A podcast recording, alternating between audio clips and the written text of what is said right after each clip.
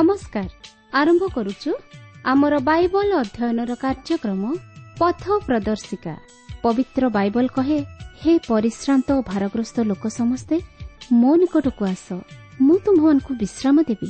ଆସନ୍ତୁ ସେହି ଜୀବନଦାତାଙ୍କର ପରିଚୟ ପାଇ ଜୀବନରେ ବାସ୍ତବ ଶାନ୍ତି ଓ ମୁକ୍ତି ପାଇବା ନିମନ୍ତେ ଶୁଣିବା ବେତାର କାର୍ଯ୍ୟକ୍ରମ ପଥ ପ୍ରଦର୍ଶିକା।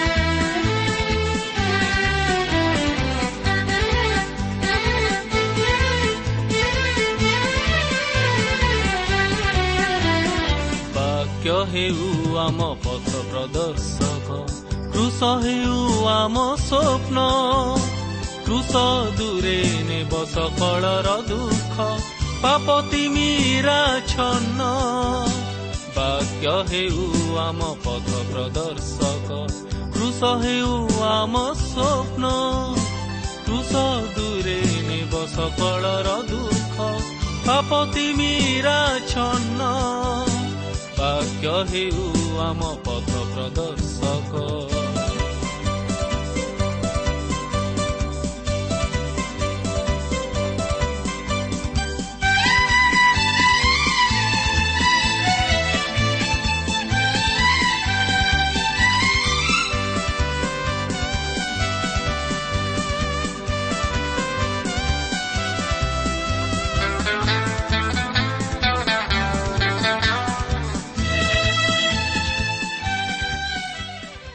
ପ୍ରିୟ ଶ୍ରୋତା ବନ୍ଧୁ ଆଜିର ଏହି ଶୁଭ ଅବସରରେ ଆମମାନଙ୍କର ସୃଷ୍ଟିକର୍ତ୍ତା ତଥା ଉଦ୍ଧାରକର୍ତ୍ତା ନିତ୍ୟ ଜୀବିତ ପ୍ରଭୁ ଯୀଶୁଖ୍ରୀଷ୍ଟଙ୍କ ବହୁମୂଲ୍ୟ ନାମରେ ଶୁଭେଚ୍ଛା ଜଣାଏ ଆଜିର ଏହି ପଥ ପ୍ରଦର୍ଶିକା କାର୍ଯ୍ୟକ୍ରମରେ ଅଂଶ ହେବା ନିମନ୍ତେ ସ୍ୱାଗତ କରେ ପ୍ରକୃତରେ ଆପଣଙ୍କର ସହଯୋଗ ଓ ମତାମତ ନିମନ୍ତେ ବିଶେଷ ଧନ୍ୟବାଦ ଆପଣ ଏହି କାର୍ଯ୍ୟକ୍ରମ ଦ୍ୱାରା ଆତ୍ମିକ ଜୀବନରେ ଉପକୃତ ହୋଇପାରୁଥିବାର ଜାଣି ଆମେ ମଧ୍ୟ ବିଶେଷ ଖୁସି ପ୍ରଭୁଙ୍କ ନାମକୁ ଧନ୍ୟବାଦ ଦେଉ ହଁ ଯେଉଁମାନେ ପ୍ରଭୁ ଯୀଶୁଙ୍କଠାରେ ବିଶ୍ୱାସ କରନ୍ତି ସେମାନେ ନିଶ୍ଚିତ ଭାବରେ ପାପରୁ ଉଦ୍ଧାରପ୍ରାପ୍ତ ହୁଅନ୍ତି ଏବଂ ସମସ୍ୟାରୁ ମଧ୍ୟ ରକ୍ଷା ପାଆନ୍ତି। ସେମାନଙ୍କ ଜୀବନରେ ବାସ୍ତବ ଶାନ୍ତି ଆନନ୍ଦ ସେମାନେ ଅନୁଭବ କରନ୍ତି। ତେଣୁ ଆମର ବିଶ୍ୱାସ ଆଜି ମଧ୍ୟ ପ୍ରଭୁ ତାଙ୍କର ବାକ୍ୟ ମଧ୍ୟ ଦେଇ ଆମମାନଙ୍କ ସହିତ କଥା କହିବା ପାଇଁ ଯାଉଅଛନ୍ତି। ଆସନ୍ତୁ ପ୍ରଭୁଙ୍କର ବାକ୍ୟ ଶୁଣିବା ନିମନ୍ତେ ଆମମାନଙ୍କର ଦେହମନ ଆତ୍ମାକୁ ସୁସ୍ଥିର କରି ଆମମାନଙ୍କର ଆତ୍ମିକ କର୍ଣ୍ଣକୁ ଖୋଲିବା ଆମମାନଙ୍କର ହୃଦୟକୁ ଖୋଲିବା। ଯେପରି ପ୍ରଭୁଙ୍କର ବାକ୍ୟ ଆମମାନଙ୍କ ହୃଦୟରେ କାର୍ଯ୍ୟ ସାଧନ କରିପାରେ। ଆସନ୍ତୁ ପ୍ରଭୁଙ୍କର ବାକ୍ୟ ମଧ୍ୟକୁ ଯିବା ପୂର୍ବରୁ ସଂକ୍ଷେପରେ ପ୍ରାର୍ଥନା କରିବା। ପବିତ୍ର ପ୍ରଭୁ ତୁମର ପବିତ୍ର ନାମର ଧନ୍ୟବାଦ କରୁଅଛି ସୁନ୍ଦର ସମୟ ପାଇଁ ତୁମର ଜୀବନ୍ତ ବାକ୍ୟ ପାଇଁ। ହଁ ପ୍ରଭୁ ତୁମେ ଚାହୁଁ ନାହିଁ ଆମମାନେ ବିନଷ୍ଟ ହେଉ। ସେଥିପାଇଁ ପ୍ରଭୁ ତୁମେ ଦୟା ଅନୁଗ୍ରହ କରି ଆମମାନଙ୍କୁ ଦିନ ପରେ ଦିନ ମାସ ପରେ ମାସ ବର୍ଷ ପରେ ବର୍ଷ ନିରାପଦରେ କଢ଼ାଇ ଆଣି ତୁମର ବାକ୍ୟ ଶୁଣିବା ନିମନ୍ତେ ଏବଂ ସେ ବାକ୍ୟ ମଧ୍ୟ ଦେଇ ନିଜର ଜୀବନକୁ ସମୀକ୍ଷା କରିବା ନିମନ୍ତେ ସୁଯୋଗ ଦେଇଥିବାରୁ ତୁମର ଧନ୍ୟବାଦ କରୁଅଛୁ। ପ୍ରଭୁ ତୁମର ବାକ୍ୟ ମଧ୍ୟ ଦେଇ ତୁମେ ଆମମାନଙ୍କ ସହିତ କଥା କୁହ। ଆମମାନଙ୍କୁ ପ୍ରଭୁ ତୁମେ ପରିମାର୍ଜିତ କର। ତୁମର ଗ୍ରହଣଯୋଗ୍ୟ ସନ୍ତାନ ସନ୍ତତି ହିସାବରେ ପ୍ରଭୁ ଯେପରି ଆମମାନେ ଏହି ଜଗତ ମଧ୍ୟରେ ଜୀବନଯାପନ କରିବାକୁ ପାରିବୁ ସେଥିପାଇଁ ଆମମାନଙ୍କୁ ଶକ୍ତି ଦିଅ। ଆଜିର ଏହି କାର୍ଯ୍ୟକ୍ରମ ମଧ୍ୟ ଦେଇ ପ୍ରତ୍ୟେକଙ୍କୁ ତୁମେ ଆଶୀର୍ବାଦ କର। ଯୀଶୁଙ୍କ ନାମରେ ମାଗୁଅଛୁ। ଆମେନ୍।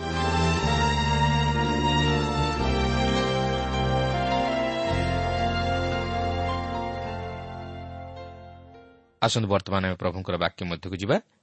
ଆଜି ଆମେ ପ୍ରେରିତ ସତର ପର୍ବର ତେଇଶ ପଦରୁ ଆରମ୍ଭ କରି ଅଠର ପର୍ବର ସତର ପଦ ପର୍ଯ୍ୟନ୍ତ ଅଧ୍ୟୟନ କରିବା ନିମନ୍ତେ ଯିବା।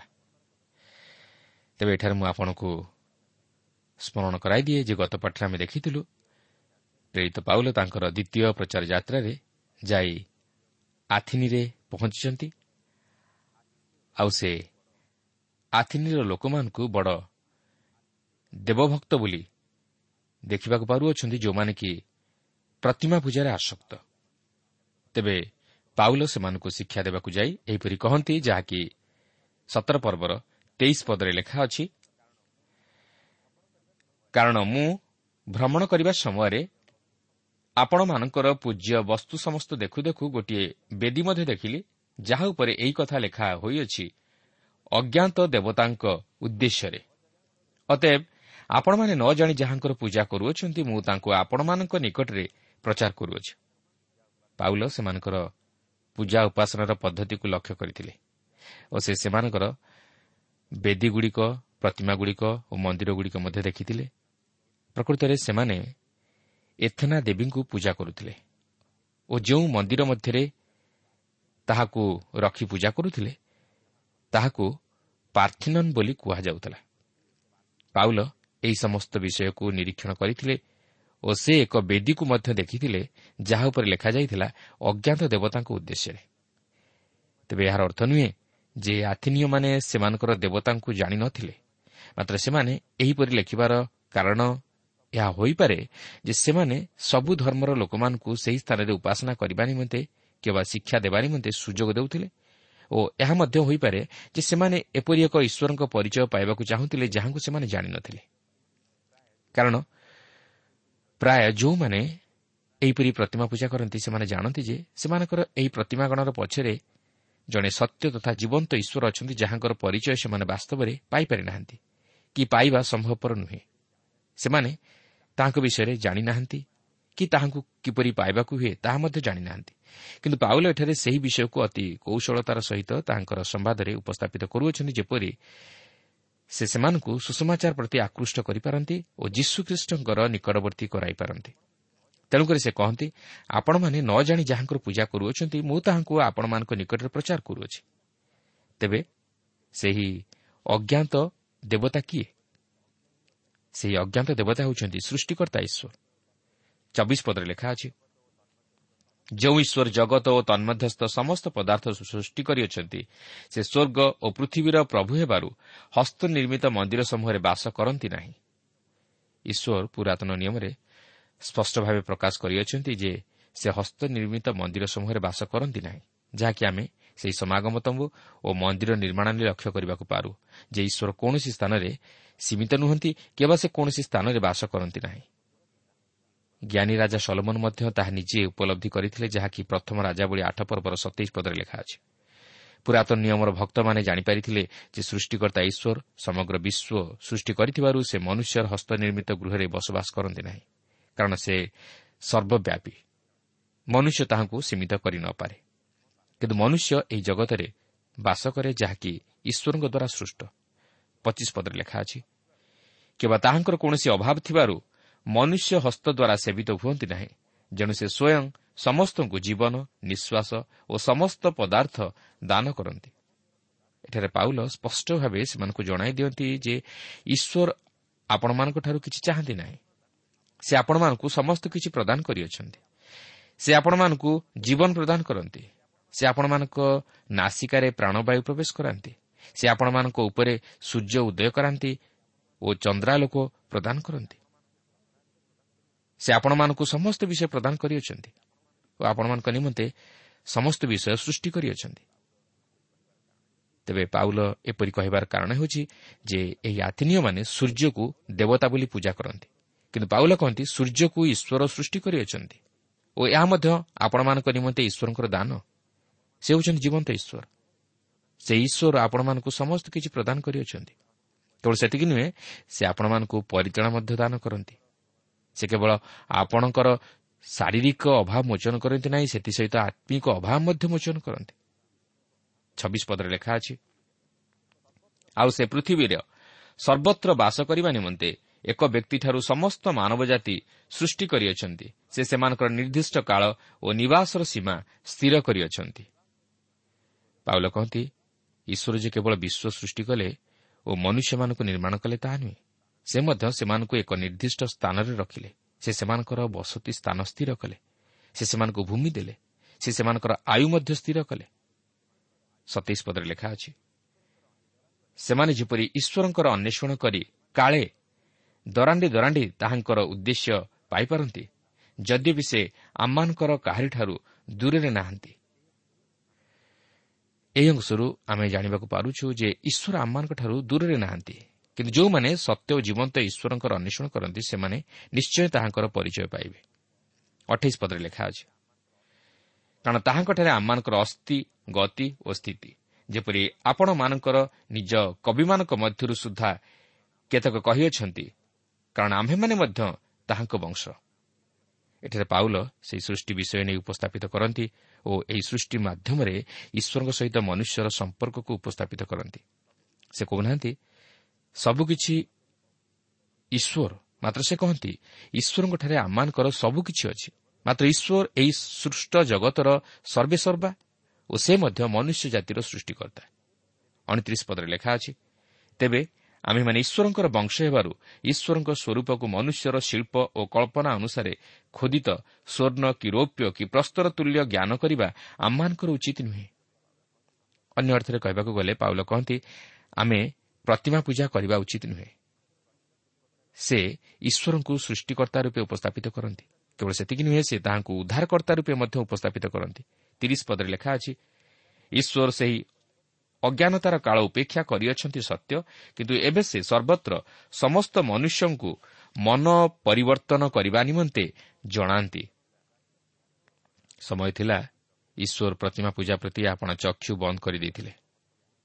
ମାତ୍ର ବର୍ତ୍ତମାନ ସେ ସମସ୍ତଙ୍କୁ ମନ ପରିବର୍ତ୍ତନ କରି ତାହାଙ୍କ ନିକଟକୁ ଫେରିଆସିବା ନିମନ୍ତେ ଆହ୍ୱାନ ଦିଅନ୍ତି। ସେ ସମସ୍ତଙ୍କୁ ଅନୁତାପ କରିବା ନିମନ୍ତେ ଜଣାନ୍ତି ଯେପରି ସେ ପ୍ରତ୍ୟେକଙ୍କୁ ଉଦ୍ଧାର କରିବାକୁ ପାରନ୍ତି। କାରଣ ସେ ହେଉଛନ୍ତି ଉଦ୍ଧାରକର୍ତ୍ତା ଈଶ୍ୱର। ଦେଖନ୍ତୁ ପାଉଲ ଈଶ୍ୱରଙ୍କୁ ତାହାଙ୍କର ଅତୀତର କାର୍ଯ୍ୟକୁ ନେଇ ତାହାଙ୍କୁ ସୃଷ୍ଟିକର୍ତ୍ତା ରୂପେ ଉପସ୍ଥାପିତ କରନ୍ତି। ସେ ତାହାଙ୍କର ବର୍ତ୍ତମାନ କାର୍ଯ୍ୟକୁ ନେଇ ତାହାଙ୍କୁ ଉଦ୍ଧାରକର୍ତ୍ତା ରୂପେ ଉପସ୍ଥାପିତ କରନ୍ତି। ଓ ସେ ମଧ୍ୟ ଈଶ୍ୱରଙ୍କର ଭବିଷ୍ୟତ କାର୍ଯ୍ୟକୁ ନେଇ ତାହାଙ୍କୁ ବିଚାରକର୍ତ୍ତା ରୂପେ ଉପସ୍ଥାପିତ କରିବାକୁ ଯାଉଅଛନ୍ତି। ଦେଖନ୍ତୁ ଏକତିରିଶ ପଦରେ ଏହିପରି ଲେଖା ଅଛି। କାରଣ ଯେଉଁଦିନ ସେ ଆପଣା ନିରୂପିତ ବ୍ୟକ୍ତିଙ୍କ ଦ୍ୱାରା ଧାର୍ମିକତାରେ ଜଗତର ବିଚାର କରିବେ ଏହିପରି ଗୋଟିଏ ଦିନ ସ୍ଥିର କରିଅଛନ୍ତି ଆଉ ତାହାଙ୍କୁ ମୃତମାନଙ୍କ ମଧ୍ୟରୁ ଉତ୍ଥାପନ କରି ଏ ବିଷୟରେ ସମସ୍ତଙ୍କ ନିକଟରେ ପ୍ରମାଣ ଦେଇଅଛନ୍ତି। ଯେତେବେଳେ ଈଶ୍ୱର ବିଚାର କରିବେ ତାହା ହେବ ପ୍ରକୃତ ନ୍ୟାୟର ବିଚାର। ଓ ଏହି ବିଚାର ଈଶ୍ୱର ଜଣେ ବ୍ୟକ୍ତିଙ୍କ ଦ୍ୱାରା ସାଧନ କରିବେ ଯାହାଙ୍କ ହସ୍ତରେ କଣ୍ଟାବିଧ ହୋଇଥିବ ଓ ଯେ କି ମୃତ୍ୟୁକୁ ଜୟ କରି ଉଠିଥିବେ ସେ ହିଁ କେବଳ ବିଚାର କରିବେ। ଆଉ ସେହି ବ୍ୟକ୍ତି ହେଉଛନ୍ତି କିଏ ଜାଣନ୍ତି? ପ୍ରଭୁ ଯୀଶୁଖ୍ରୀଷ୍ଟ ପାଉଲ ଏହିପରି ଭାବେ ପ୍ରଭୁ ଯୀଶୁଙ୍କର ପୁନରୁତ୍ଥାନକୁ ଓ ତାହାଙ୍କର ମୃତ୍ୟୁକୁ ଉପସ୍ଥାପିତ କରନ୍ତି। ପ୍ରଭୁ ଯୀଶୁଖ୍ରୀଷ୍ଟ ମୃତ୍ୟୁରୁ ପୁନରୁତ୍ଥିତ ହୋଇଥିବାରୁ ଈଶ୍ୱରଙ୍କର ବିଚାର ଯେ ସୁନିଶ୍ଚିତ ଏହା ପ୍ରେରିତ ପାଉଲ ପ୍ରକାଶ କରନ୍ତି। ବତିଶ ପଦରେ ଲେଖା ଅଛି ମୃତମାନଙ୍କର ପୁନରୁତ୍ଥାନ କଥା ଶୁଣି କେହି କେହି ପରିହାସ କରିବାକୁ ଲାଗିଲେ। ଆଉ କେହି କେହି କହିଲେ ଆମମାନେ ଆଉଥରେ ଆପଣଙ୍କଠାରୁ ଏହି ବିଷୟ ଶୁଣିବା। ଆପଣ ଜାଣନ୍ତି ସେମାନେ ପାଉଲଙ୍କୁ କାହିଁକି ପରିହାସ କଲେ? ଯେହେତୁ ସେମାନେ ମୃତମାନଙ୍କର ପୁନରୁତ୍ଥାନ ଉପରେ ବିଶ୍ୱାସ କରିନଥିଲେ। ସେମାନେ ଶାରୀରିକ ପୁନରୁତ୍ଥାନକୁ ଅସ୍ୱୀକାର କରନ୍ତି। କିନ୍ତୁ ଆମେ ଜାଣି ରଖିବା ଉଚିତ ଯେ ଯେଉଁମାନେ ଖ୍ରୀଷ୍ଟଙ୍କଠାରେ ବିଶ୍ୱାସ କରି ଓ ତାହାଙ୍କୁ ଗ୍ରହଣ କରି ମୃତ୍ୟୁବରଣ କରିଥିବେ ସେମାନେ ଖ୍ରୀଷ୍ଟଙ୍କ ପରି ମଧ୍ୟ ମୃତ୍ୟୁରୁ ପୁନରୁଦ୍ଧିତ ହେବେ। ଅର୍ଥାତ୍ ସେମାନେ ଗୌରବମୟ ଶରୀରରେ ମୃତ୍ୟୁରୁ ପୁନରୁଦ୍ଧିତ ହୋଇ ଖ୍ରୀଷ୍ଟଙ୍କ ଆଗମନ ସମୟରେ ତାହାଙ୍କ ସହ ମଧ୍ୟାକାଶରେ ମିଳିତ ହେବେ ଓ ଯେଉଁମାନେ ଖ୍ରୀଷ୍ଟଙ୍କଠାରେ ବିଶ୍ୱାସ କରି ଜୀବିତ ଥିବେ ସେମାନେ ମଧ୍ୟ ଉର୍ଦ୍ଧ୍ୱକୁ ନୀତ ହୋଇ ଖ୍ରୀଷ୍ଟଙ୍କ ସହ ମିଳିତ ହେବେ। ଏହି ପୁନରୁତ୍ଥାନ କେବଳ ଆତ୍ମିକ ନୁହେଁ ମାତ୍ର ଶାରୀରିକ ମଧ୍ୟ। ତେତିଶରୁ ଚଉତିରିଶ ପଦରେ ଲେଖା ଅଛି ଏହି ପ୍ରକାରେ ପାଉଲ ସେମାନଙ୍କ ମଧ୍ୟରୁ ବାହାରିଗଲେ। କିନ୍ତୁ କୌଣସି କୌଣସି ଲୋକ ତାଙ୍କ ସପକ୍ଷ ହୋଇ ବିଶ୍ୱାସ କଲେ। ସେମାନଙ୍କ ମଧ୍ୟରେ ଆରୟ ପାଗୀୟ ଦିଓନିସିୟ ଦାମାରୀ ନାମିନୀ ଜଣେ ମହିଳା ଓ ସେମାନଙ୍କ ସହିତ ଆଉ କେତେକ ଲୋକ ଥିଲେ। କେତେକ କହନ୍ତି ଯେ ପାଉଲଙ୍କ ପ୍ରଚାର ଆଥିନିରେ ଫଳପ୍ରଦ ହେଲା ନାହିଁ। କିନ୍ତୁ ଏହା ଫଳପ୍ରଦ ହେଲା।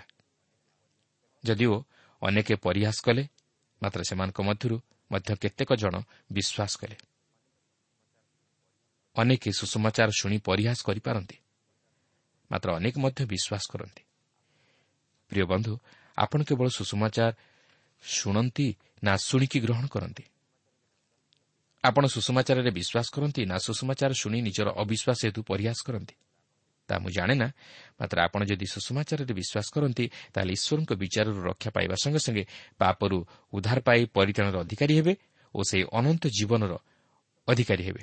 ଆଉ ତାହା କେବଳ ଖ୍ରୀଷ୍ଟଙ୍କଠାରେ ବିଶ୍ୱାସ କରିବା ଦ୍ୱାରା ତେବେ ଏଠାରେ ମୁଁ ଆପଣଙ୍କୁ ସ୍ମରଣ କରାଇଦିଏ ଯେ ପାଉଲ ତାଙ୍କର ଦ୍ୱିତୀୟ ମିଶନାରୀ ଯାତ୍ରାରେ ଅଗ୍ରସର ହେଉଛନ୍ତି ଓ ସେ ସେହି ଆଥିନିରୁ ବାହାରି କରିନ୍ଥକୁ ଆସୁଛନ୍ତି।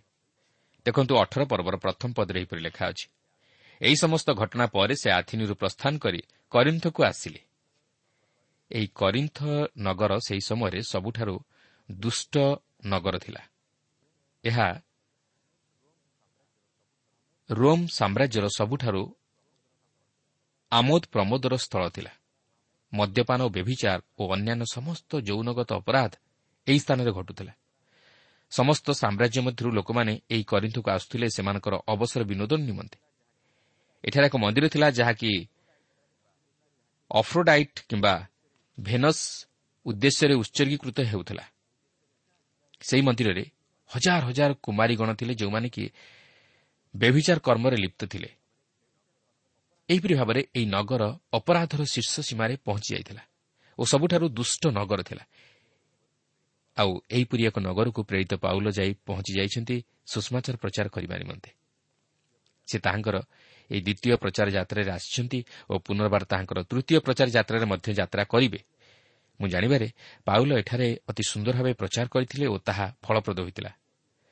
ମୋର ଚିନ୍ତାଧାରା ଅନୁଯାୟୀ ପାଉଲ ଏଫିସି ଓ କରିନ୍ଥରେ ସବୁଠାରୁ ଫଳପ୍ରଦଜନକ ପ୍ରଚାର କାର୍ଯ୍ୟ କରିଥିଲେ। ଏଫିସି ଏକ ଧାର୍ମିକ କେନ୍ଦ୍ରସ୍ଥଳ ଥିଲା ଓ କରିନ୍ଥ ପାପର କେନ୍ଦ୍ରସ୍ଥଳ ଥିଲା। କିନ୍ତୁ ଏହି ଉଭୟ ନଗର ବାଣିଜ୍ୟିକ କେନ୍ଦ୍ର ଥିଲା। ବର୍ତ୍ତମାନ ଲକ୍ଷ୍ୟ କରନ୍ତୁ ପାଉଲ ତାଙ୍କର ଏହି ପ୍ରଥମ ପରିଦର୍ଶନରେ ଏହି ଏଫିସିରେ କିପରି ପ୍ରଚାର କାର୍ଯ୍ୟ ଆରମ୍ଭ କରିବାକୁ ଯାଉଅଛନ୍ତି। ଅଠର ପର୍ବର ଦୁଇ ପଦରେ ଏହିପରି ଲେଖା ଅଛି ଆଉ ସେ ଆକ୍ୱିଲା ନାମକ ଜଣେ ଜିହୁଦୀଙ୍କ ଦେଖା ପାଇଲେ ପନ୍ତ ତାହାଙ୍କ ଜନ୍ମସ୍ଥାନ। ସେ ଅଳ୍ପଦିନ ହେଲା ଆପଣା ସ୍ତ୍ରୀ ପ୍ରିସ୍କିଲା ସହିତ ଇତାଲିଆରୁ ଆସିଥିଲେ। କାରଣ କ୍ଲାଉଦିଓ ସମସ୍ତ ଜିହୁନ୍ଦୀକୁ ରୋମ୍ରୁ ବାହାରିଯିବାକୁ ଆଜ୍ଞା ଦେଇଥିଲେ। ସେ ସେମାନଙ୍କ ସହିତ ସାକ୍ଷାତ କରିବାକୁ ଗଲେ। ତେବେ ଏହି କରିନ୍ଥରେ ସେ ଏହି ଜୁହୁଦୀ ଦମ୍ପତିକୁ ଭେଟୁଛନ୍ତି ଯେଉଁମାନେ କି ନିକଟରେ ସେହି ରୋମ୍ରୁ ଆସିଥିଲେ। କାରଣ କ୍ଲାଉଦିଓ ସମସ୍ତ ଜିହୁଦୀଙ୍କୁ ରୋମ୍ରୁ ବାହାରିଯିବାକୁ ଆଜ୍ଞା ଦେଇଥିଲେ। ରୋମିଓ ଶାସନ ସମୟରେ ଏହା ପ୍ରାୟ ଥରକୁ ଥର ଘଟିଥିଲା। ତେବେ ଏହି ସମସ୍ତ ଜୁହୁଦୀମାନେ ଯେଉଁମାନେ କି ରୋମ୍ରୁ ବାହାରି ଯାଇଥିଲେ ସେମାନଙ୍କ ମଧ୍ୟରେ ଏହି ଦମ୍ପତି ଅତି ଚମତ୍କାର ଦମ୍ପତି ଥିଲେ। ସେମାନଙ୍କର ନାମ ଥିଲା ଆକ୍ୱିଲା ଓ ପ୍ରିସ୍କିଲା। ଏମାନେ ଦୁଇ ଜଣ ସ୍ୱାମୀ ଓ ସ୍ତ୍ରୀ ଥିଲେ। ଅଠର ପର୍ବ ତିନି ପଦରେ ଲେଖା ଅଛି। ପୁଣି ସମବ୍ୟବସାୟୀ ଥିବାରୁ ସେମାନଙ୍କ ସହିତ ବାସ କଲେ ଆଉ ସେମାନେ କର୍ମ କରିବାକୁ ଲାଗିଲେ କାରଣ ବ୍ୟବସାୟରେ ସେମାନେ ତମ୍ବୁ ନିର୍ମାଣକାରୀ ଥିଲେ। ଆକ୍ୱିଲା ସେଠାକୁ ଆସିଥିଲେ ଯେହେତୁ ସେମାନେ ବେପାର କରୁଥିଲେ।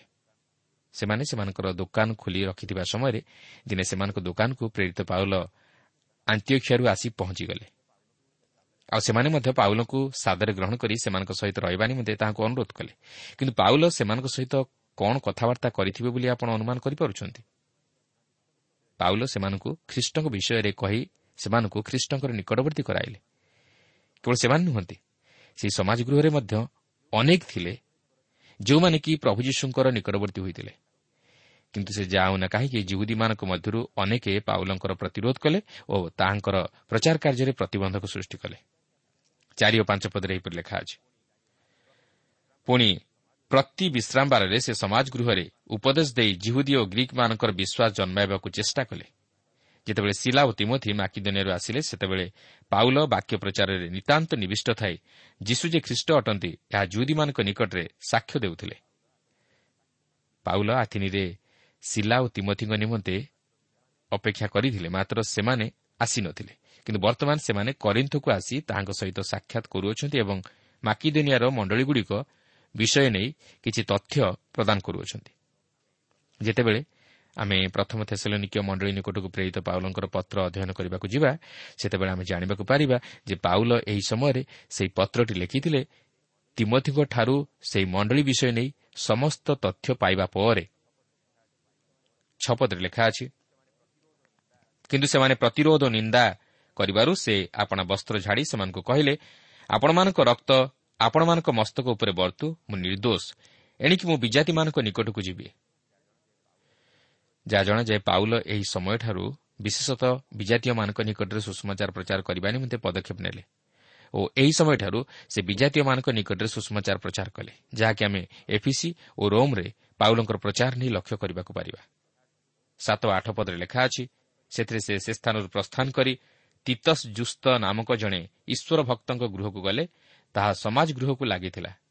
କିନ୍ତୁ ସମାଜ ଗୃହର ଅଧ୍ୟକ୍ଷ କ୍ରିସ୍ପ ସପରିବାରରେ ପ୍ରଭୁଙ୍କଠାରେ ବିଶ୍ୱାସ କଲେ ଆଉ କରିନ୍ଥିୟମାନଙ୍କ ମଧ୍ୟରୁ ଅନେକ ଶୁଣି ବିଶ୍ୱାସ କରିବାକୁ ଲାଗିଲେ ଓ ବାପ୍ତିଜିତ ହେଲେ। ପାଉଲ ପ୍ରାୟ ଅଠର ମାସ ଧରି କରିନ୍ଥିରେ ପ୍ରଚାର କଲେ ଓ ଅନେକ ମଧ୍ୟ ବିଶ୍ୱାସ କରି ଖ୍ରୀଷ୍ଟଙ୍କ ପ୍ରତି ଫେରିଲେ। ଯେତେବେଳେ ଜିହୁଦୀମାନେ ତାହାଙ୍କର ପ୍ରଚାର କାର୍ଯ୍ୟର ପ୍ରତିରୋଧ କଲେ ସେତେବେଳେ ସେ ବିଜାତିମାନଙ୍କ ମଧ୍ୟରେ ସୁଷମାଚାର ପ୍ରଚାର କରିବା ନିମନ୍ତେ ପଦକ୍ଷେପ ନେଲେ ଓ ପ୍ରଭୁ ମଧ୍ୟ ତାହାଙ୍କୁ ଏହି କାର୍ଯ୍ୟରେ ସହାୟତା କଲେ। ଯେହେତୁ ବିଜାତୀୟମାନଙ୍କ ମଧ୍ୟରେ ସୁଷମାଚାର ପ୍ରଚାର କରିବା ନିମନ୍ତେ ପ୍ରଭୁ ତାହାଙ୍କୁ ମନୋନୀତ କରିଥିଲେ। ନଅ ଦଶ ପଦରେ ଲେଖା ଅଛି ପୁଣି ପ୍ରଭୁ ରାତ୍ରିରେ ଦର୍ଶନ ଦ୍ୱାରା ପାଉଲଙ୍କୁ କହିଲେ ଭୟ କର ନାହିଁ ନିରବ ନ ରହି କଥା କୁହ କାରଣ ଆମ୍ଭେ ତୁମ ସାଙ୍ଗରେ ଅଛୁ। କୌଣସି ଲୋକ ତୁମର କ୍ଷତି କରିବାକୁ ତୁମକୁ ଆକ୍ରମଣ କରିବ ନାହିଁ। ଯେଣୁ ଆମର ଅନେକ ଲୋକ ଏହି ନଗରରେ ଅଛନ୍ତି। ଦେଖନ୍ତୁ ପାଉଲ କରିନ୍ଥରେ ଅନେକ ଦିନ ଧରି ରହିଥିଲେ ଓ ସେ ସେହି କରିନ୍ଥର ଲୋକମାନଙ୍କର ମନୋଭାବକୁ ଜାଣିଥିଲେ। ତେଣୁକରି ସେ ସେମାନଙ୍କର ବ୍ୟବହାରରେ ଅସନ୍ତୁଷ୍ଟ ହୋଇ ସେହି ନଗରରୁ ବାହାରିଯିବା ପାଇଁ ସ୍ଥିର କଲେ। କିନ୍ତୁ ପ୍ରଭୁ ଏହି ସମୟରେ ତାହାଙ୍କୁ ଆଶ୍ୱାସନା ଦେଇ କହୁଛନ୍ତି ପାଉଲ ତୁମେ ଏହି ନଗର ଛାଡ଼ି ବାହାରକୁ ଯାଅ ନାହିଁ। ଯେଣୁ ଏହି ନଗରରେ ଆମର ଅନେକ ଲୋକ ଅଛନ୍ତି। ଆପଣ କ'ଣ ଭାବୁଛନ୍ତି? କ'ଣ ଅନେକ ଲୋକ ଥିଲେ? ମୁଁ ଭାବୁଛି ପାଉଲଙ୍କ ମନରେ ମଧ୍ୟ ଏହି ବିଷୟ ନେଇ ପ୍ରଶ୍ନ ଆସିଥାଇପାରେ। ମାତ୍ର ପାଉଲ ପ୍ରଭୁଙ୍କର କଥାରେ ବିଶ୍ୱାସ ରଖୁଛନ୍ତି। କାରଣ ସେ ଜାଣନ୍ତି ପ୍ରଭୁ ତାହାଙ୍କ ନିମନ୍ତେ ସମସ୍ତ ଅସମ୍ଭବକୁ ସମ୍ଭବରେ ମଧ୍ୟ ପରିଣତ କରିପାରନ୍ତି। ଆଉ ତାହା ହିଁ ମଧ୍ୟ ସଫଳ ହେଲା। ସେ ସେଠାରେ ପ୍ରାୟ ଦେଢ଼ ବର୍ଷ ରହି ପ୍ରଭୁଙ୍କର ବାକ୍ୟ ପ୍ରଚାର କଲେ। ଦେଖନ୍ତୁ ଏଗାର ପଦରେ ଲେଖା ଅଛି ପୁଣି ସେ ସେମାନଙ୍କ ନିକଟରେ ଈଶ୍ୱରଙ୍କ ବାକ୍ୟ ଶିକ୍ଷା ଦେଇ ଦେଢ଼ ବର୍ଷ ସେଠାରେ ବାସ କଲେ।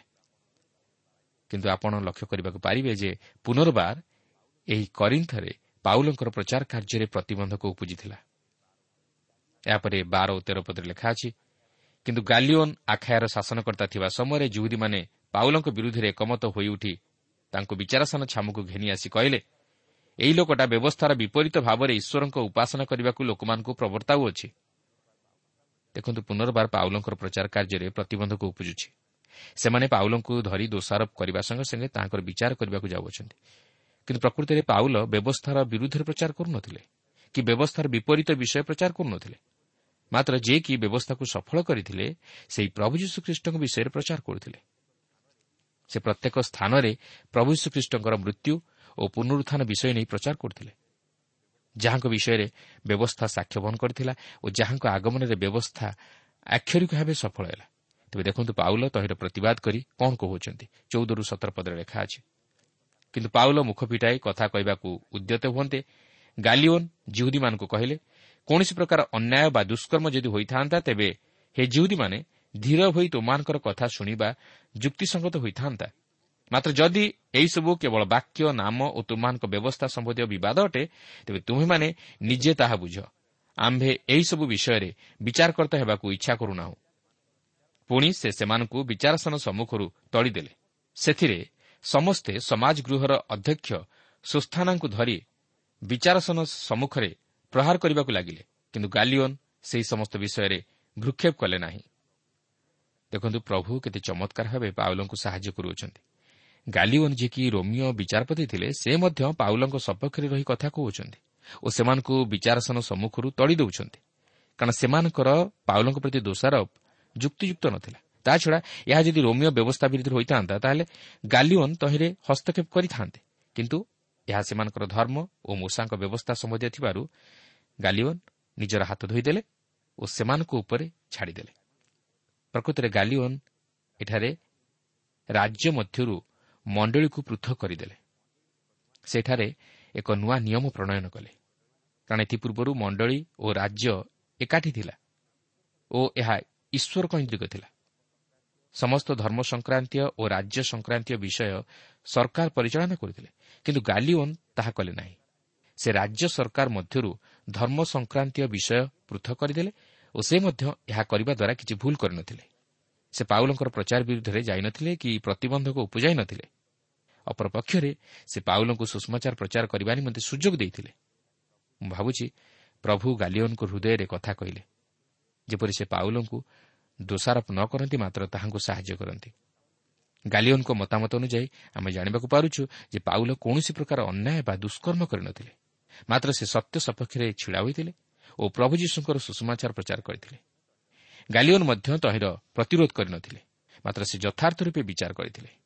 ସେ କୌଣସି ମନୁଷ୍ୟର ମୁଖାପେକ୍ଷା କରିନଥିଲେ। କିମ୍ବା ଜୁହୁଦୀମାନଙ୍କୁ ସନ୍ତୁଷ୍ଟ କରିବାକୁ ଯାଇ ପାଉଲଙ୍କୁ ଦୋଷାରୋପ କରିନଥିଲେ। କାରଣ କରିନ୍ଥ ଏକ ସ୍ୱାଧୀନତାର ସହର ଥିଲା। ଏପରିକି ଧର୍ମ ସଂକ୍ରାନ୍ତୀୟ ବିଷୟ ନେଇ ମଧ୍ୟ ସ୍ୱାଧୀନତା ଦିଆଯାଇଥିଲା। ଅର୍ଥାତ୍ ଏକ ଧର୍ମ ନିରପେକ୍ଷ ନଗର ଥିଲା। ପ୍ରତ୍ୟେକ ଧର୍ମାବଲମ୍ବୀମାନଙ୍କୁ ସ୍ୱାଧୀନତା ଦିଆଯାଇଥିଲା। ତେଣୁ ସେହି ହିସାବରେ ଏହା ଧର୍ମ ସଂକ୍ରାନ୍ତୀୟ ଥିବାରୁ ଗାଲିଓନ୍ ପାଉଲଙ୍କର ବିଚାର ନ କରି ସେମାନଙ୍କ ହସ୍ତରେ ଛାଡ଼ି ଦେଇଥିଲେ ଯେପରି ସେମାନେ ପରସ୍କର ମଧ୍ୟରେ ତହିଁର ବିଚାର ନିଷ୍ପତ୍ତି କରନ୍ତି। ମାତ୍ର ସେମାନେ ମଧ୍ୟ ପାଉଲଙ୍କର ବିଚାର କରିବାକୁ ସାହସ କଲେ ନାହିଁ ଯେହେତୁ ସେମାନଙ୍କର ଦୋଷାରୋପ ବା ଅଭିଯୋଗ ସତ୍ୟ ନଥିଲା। ତେଣୁ ସେମାନେ ପାଉଲଙ୍କୁ ଶାସ୍ତି ଦେବା ପରିବର୍ତ୍ତେ ସମାଜ ଗୃହର ଅଧ୍ୟକ୍ଷ ସୁସ୍ଥାନଙ୍କୁ ଧରି ବିଚାରସନ ସମ୍ମୁଖରେ ପ୍ରହାର କରିବାକୁ ଲାଗିଲେ। ବୋଧହୁଏ ସେ ପାଉଲଙ୍କୁ ସେହି ସମାଜ ଗୃହରେ ପ୍ରଚାର କରିବାକୁ ସୁଯୋଗ ଦେଇଥିବାରୁ ତାହାଙ୍କ ପ୍ରତି ସେହିପରି କଲେ। କିନ୍ତୁ ସେମାନେ ପାଉଲଙ୍କ ଉପରେ ହସ୍ତ ଉଠାଇ ପାରିଲେ ନାହିଁ। ବାସ୍ତବରେ ପାଉଲଙ୍କର ସାହସ ଓ ସୁଷମାଚାର ପ୍ରଚାର କରିବାରେ ତାଙ୍କର ଯେଉଁ ଆଗ୍ରହ ଥିଲା ତାହା ଚିନ୍ତା କଲେ ବଡ଼ ଆଶ୍ଚର୍ଯ୍ୟ ଲାଗେ। ସେ କୌଣସି ପରିସ୍ଥିତିରେ ବିଚଳିତ ହେଉନଥିଲେ ମାତ୍ର ଧୈର୍ଯ୍ୟର ସହିତ ସମସ୍ତ ବିଷୟର ମୁକାବିଲା କରୁଥିଲେ। ପ୍ରଭୁ ମଧ୍ୟ ଏହିସବୁ ପରିସ୍ଥିତି ମଧ୍ୟ ଦେଇ ତାହାଙ୍କୁ ଅନେକ କିଛି ଉତ୍ସାହ ପ୍ରେରଣା ଓ ଶକ୍ତି ଯୋଗାଇଥିଲେ। ପାଉଲ ମଧ୍ୟ ନିଜେ ତାହା ଅନୁଭବ କରିପାରିଥିଲେ। ପ୍ରଭୁ ଗାଲିଓନଙ୍କ ମାଧ୍ୟମରେ ପାଉଲଙ୍କୁ ସେହି ଜିଉରୀମାନଙ୍କ ହସ୍ତରୁ ଉଦ୍ଧାର କଲେ। ମୁଁ ଭାବୁଛି ଗାଲିଓନ୍ ଯେତେବେଳେ ପାଉଲଙ୍କ ତରଫରୁ କଥାବାର୍ତ୍ତା କରିଥିବେ ସେତେବେଳେ ପାଉଲ ତାହା ଦେଖି ଆଶ୍ଚର୍ଯ୍ୟ ହୋଇଯାଇଥିବେ ଓ ତାହାଙ୍କର ସେହି ଦର୍ଶନର କଥା ସ୍ମରଣ କରିଥିବେ। ସେଦିନ ଗାଲିଓନ୍ ଯଦି ଜିହୁଦୀମାନଙ୍କ କଥାରେ ପାଉଲଙ୍କୁ ଦୋଷୀ କରିଥାନ୍ତେ ତାହେଲେ ପାଉଲଙ୍କ ମଧ୍ୟ ଦେଇ ପ୍ରଭୁଙ୍କର ଅଭିମତ ସଫଳ ହୋଇପାରିନଥାନ୍ତା କି ପାଉଲ ଆଉ ସୁଷମାଚାର ପ୍ରଚାର କରିବା ନିମନ୍ତେ ସୁଯୋଗ ପାଇପାରିନଥାନ୍ତେ। ମାତ୍ର ପ୍ରଭୁଙ୍କ ନାମର ଧନ୍ୟବାଦ ହେଉ ଯେ ସେ ପ୍ରତିଜ୍ଞାରେ ବିଶ୍ୱସ୍ତ ଓ ସେ ଯାହା କହିଥାନ୍ତି ତାହା ସଫଳ କରିଥାନ୍ତି। କିନ୍ତୁ ଆଜି ସୁଷମାଚାର ପ୍ରତି ଆମମାନଙ୍କର ମନୋଭାବ କିପରି ଅଛି? ଆମେ କ'ଣ ଖ୍ରୀଷ୍ଟଙ୍କ ସୁଷମାଚାର ପ୍ରତି କର୍ଣ୍ଣ ଡେରିଛୁ କି? ଆମେ କ'ଣ ସେହି ସୁଷମାଚାରରେ ବିଶ୍ୱାସ କରି ଖ୍ରୀଷ୍ଟଙ୍କୁ ଗ୍ରହଣ କରିଛୁ କି? ଯଦି ନାହିଁ ତାହେଲେ ଆଜି ବି ସୁଯୋଗ ଅଛି। ପ୍ରଭୁଙ୍କ ନିକଟକୁ ଫେରିଆସୁ ପାପରୁ ଉଦ୍ଧାରପ୍ରାପ୍ତ ହୋଇ ଅନନ୍ତ ଜୀବନର ଅଧିକାରୀ ହେଉ। ପ୍ରଭୁ ପ୍ରତ୍ୟେକଙ୍କୁ ଆଶୀର୍ବାଦ କରନ୍ତୁ। ପ୍ରେମକୁ ନୀତି ସ୍ମରୁଥିଲେ ସେହି ଦେବ ମନେ ଶାନ୍ତି। କୃଷର ନାମକୁ ନୀତି ଘୋଷୁଥିଲେ ଲଭିବ ଜୀବନେ ମୁକ୍ତି।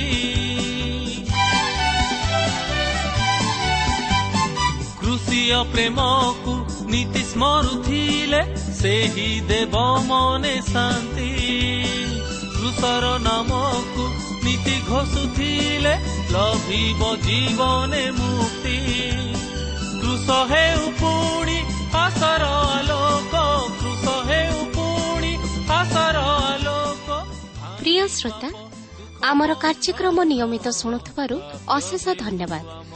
ଆପଣ ଏହି କାର୍ଯ୍ୟକ୍ରମ ଶୁଣିବା ଦ୍ୱାରା ଆତ୍ମିକ ଜୀବନରେ ଉପକୃତ ହୋଇପାରିଥିବେ ବୋଲି ଆମର ବିଶ୍ୱାସ।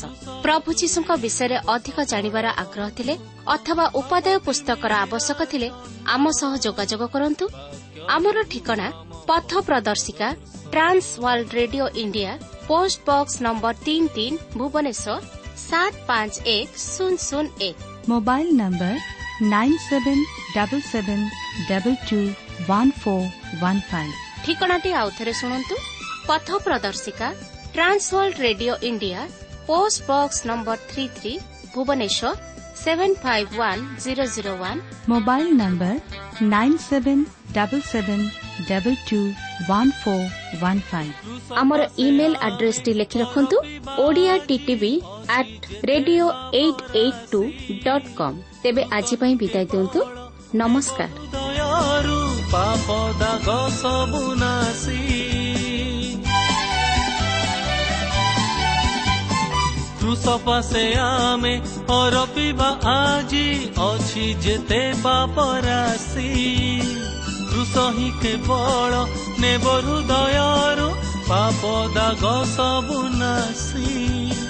କୃଷ ହେଉ ଆମ ପଥର ପ୍ରଦୀପ କୃଷ ହେଉ ଆମ ପଥର ପ୍ରଦୀପ ହୋଇବୁ ତାହାରି ସନ୍ତାନ ବାକ୍ୟ ହେଉ ଆମ ପଥ ପ୍ରଦର୍ଶକ କୃଷ ହେଉ ଆମ ସ୍ୱପ୍ନ କୃଷ ଦୂରେ ନେବ ସକଳର ଦୁଃଖ ପାପତି ମୀରାଛନ୍ନ ବାକ୍ୟ ହେଉ ଆମ ପଥ ପ୍ରଦର୍ଶକ କୃଷ ହେଉ ଆମ ସ୍ୱପ୍ନ କୃଷ ଦୂରେ ନେବ ସକଳର ଦୁଃଖ পাপ তিমিরা ছন্ন।